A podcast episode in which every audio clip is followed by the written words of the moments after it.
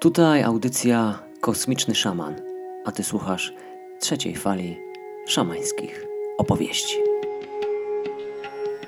Opuszczasz dom w nadziei, że jeszcze do niego wrócisz. Dla innych się poświęcasz, innym pieśń zmiany nucisz.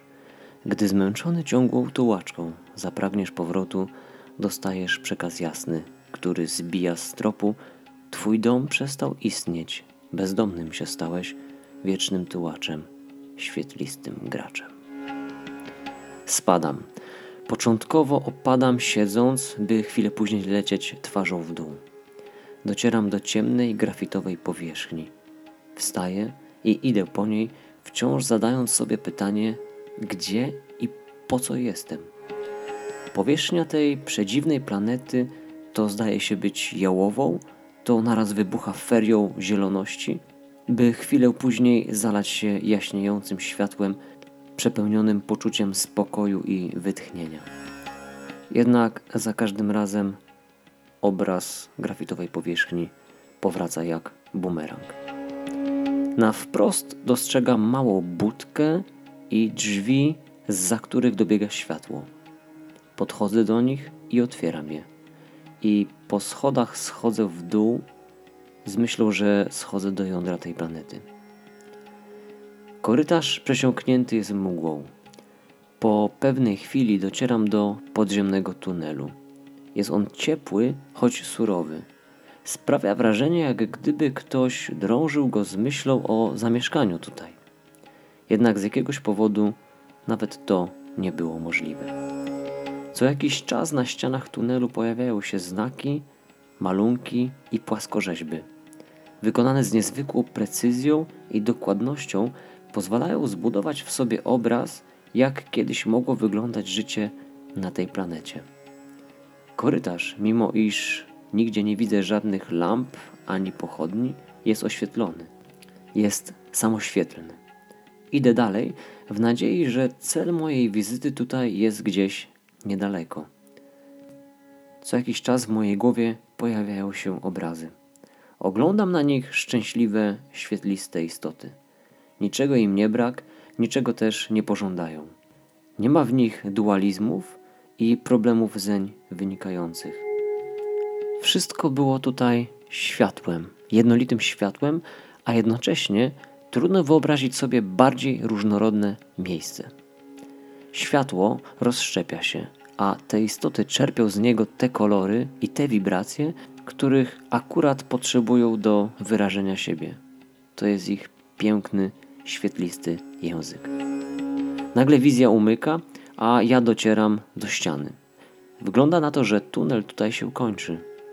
Wpatruję się w jego fakturę, próbuję znaleźć jakiś szczegół, jakąś podpowiedź, wskazówkę. Naraz przychodzi myśl o świetlistych włóknach mego kokonu. Świadomie skupiam się na nich, wypuszczam je, pozwalam im eksplorować powierzchnię ścian tunelu. Nagle w uszach zaczyna mi piszczeć, a ciało przeszywa dreszcz. Rajem wirującym w kosmosie byłam. Dawałam życie, życiem się cieszyłam. Świetliste dusze światłem poiłam, w głębokim połączeniu z nimi byłam. Gdy w ekspedycję ruszali, nieświadomi, położyli na szali nasz związek, co próby nie przetrwał. Wygasłe jądro światła nie niosło, atmosfera w eter uleciała. Tęsknoty smutek pamięci dawnych lat to zbyt mało, by dom tu trwał. Płaczę.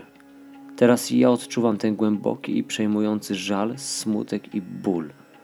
Oto duch tej wygasłej planety pozwolił odtworzyć swą ostatnią wiadomość, przemówił, podzielił się swą historią. Czuję ogromne poruszenie, a tęsknota za utraconym rajem przeszywa mnie aż do szpiku kości. Trwając w tym połączeniu, pragnę wysłać wiadomość zwrotną. Dzieci Twoje, zmęczone tułaczym losem, noszą w sobie smutek wielki, miłości utraconej owoce. Tyś serca ich biciem, komórki ich ciał przenikasz. Zostaniesz w nich na zawsze, nie bądź nieszczęśliwa. Mam wrażenie, że jakby powietrze w tunelu zrobiło się lżejsze. Smutek i ból rozdzielenia nie jest już tak dojmujący. To było naprawdę trudne. Tyle niewyrażonych emocji zastygłych w skamieniałej tkance tej planety. Co jakiś czas dobiegają mnie echa szczęśliwego życia, które tutaj kiedyś kwitło. Jest to piękny i budujący obraz. Teraz wiem, dlaczego te istoty postanowiły ruszyć w kosmos. I nie, nie było to z powodu poczucia braku czy pustki. Wręcz przeciwnie, był to ruch wynikający z pełni, której byli częścią, z potrzeby dzielenia się harmonią, wdzięcznością, dobrem i światłem. Choć serce me wciąż rozedrgane, wiem, że mój czas tutaj dobiegł końca. Czas wracać z wiadomością do istot z tej niezwykłej planety pochodzących.